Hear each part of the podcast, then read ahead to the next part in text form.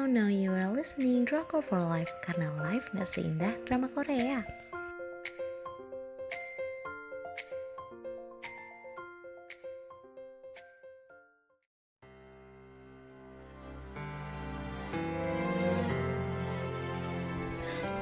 Review drama Korea Blood, cerita vampir yang paling absurd yang pernah aku tonton. Dengan stasiun penyiaran KBS 2 tanggal penayangan 16 Februari sampai dengan 12 April 2015 Untuk jumlah, jumlah episodenya ada 20 dengan rating 2 dari 5 Se, Sebiasa itu emang drama ini. Seenggak cocok itu aku sama drama ini. Terus aku bakal bacain sinopsisnya. Park Jisang adalah anak yang terkena virus VBT01 yang menyebabkan penderita jadi berkelakuan seperti vampir dia jadi makan darah terus dia abadi nggak bisa luka nggak bisa tua atau bahkan mati. Nah virus ini sebenarnya lagi diteliti gitu cuma disalahgunakan oleh orang-orang yang gak bertanggung jawab. Orang tua si Jisang ini adalah peneliti yang ngerjain VBT 01 uh, Dia tahu kalau ada orang jahat yang menyalahgunakan virus ini. Jadi misi dia adalah mencari orangnya terus mencegahnya. Di tengah-tengah itu dia kayak ketemu cinta sejatinya gitu yang bikin Jisang pengen jadi manusia lagi dan sembuh dari virus ini. Tema drama ini fantasi. Hmm, emang bukan kali pertama ya. Kita udah pernah nonton vampir-vampir juga. Ada medical sama romansnya juga. Terus hmm, konflik bakal seputar perjuangan si Jisung buat balik jadi manusia. Terus menghancurkan jahat dan nutup nutupin identitasnya dia vampir itu.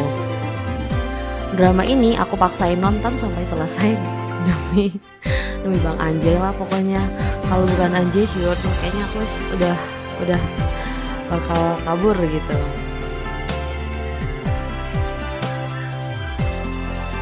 Uh, banyak media bilang kalau acting Go Hyesan di sini tuh jelek. Uh, menurutku biasa aja sih cuma emang kurang bikin greget gitu. Mungkin juga karena efek alur ceritanya sih bukan bukan actingnya semata terus aku bakal bahas penokohannya. Yang pertama ada Pak Jisang si dia nih uh, kayaknya menurut aku di drama ini dia dapat peran utama untuk pertama kalinya.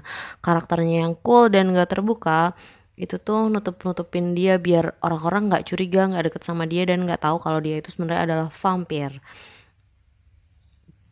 Terus selanjutnya ada Yurita. Uh, dia itu awal ketemu sama Jisang kayak Tom and Jerry, musuhan gitu loh, love hate relationship gitu. Meskipun kelihatan jutek tapi sebenarnya dia baik dan perhatian. Romansa di drama ini menurut aku juga nggak berkesan sama sekali. Udah kissensnya nggak greget, terus habis nonton aku juga nggak pabar. Eh kelar syuting tapi mereka jadian terus nikah. Meskipun sekarang udah cerai sih ya, tapi I don't know. Aku sama sekali nggak kebawa drama ini. Uh, kita semua tahu dong, pasca produksi drama ini si itu tadi si An Jaehyun sama Yesan pacaran selama setahun dan di tahun berikutnya mereka memutuskan buat menikah. Aku juga kaget waktu dulu itu tumbenan nikah di usia muda tuh kayak bukan budaya Korea gitu. And I don't know why di tahun 2019 mereka cerai. I mean kita nggak pernah benar-benar tahu gitu masalah apa yang sebenarnya mereka hadapi kalau kata orang-orang mungkin mereka terlalu muda untuk memulai gitu ya. Jadi mari kita doakan yang terbaik. Dari sekian banyak konflik yang gak masuk akal cuma satu yang aku ingat si tokoh jahat si tokoh jahat selama ini tetap minum darah manusia terutama darah anak-anak. Hasil dari perdagangan manusia serem banget ya. Diambil darahnya terus dipisahkan biar tinggal plas plasmanya aja. Jadi nggak kelihatan merah serem gitu loh. Terus dimanipulasi datanya dan dikirim buat dimakan dia. Jadi kayak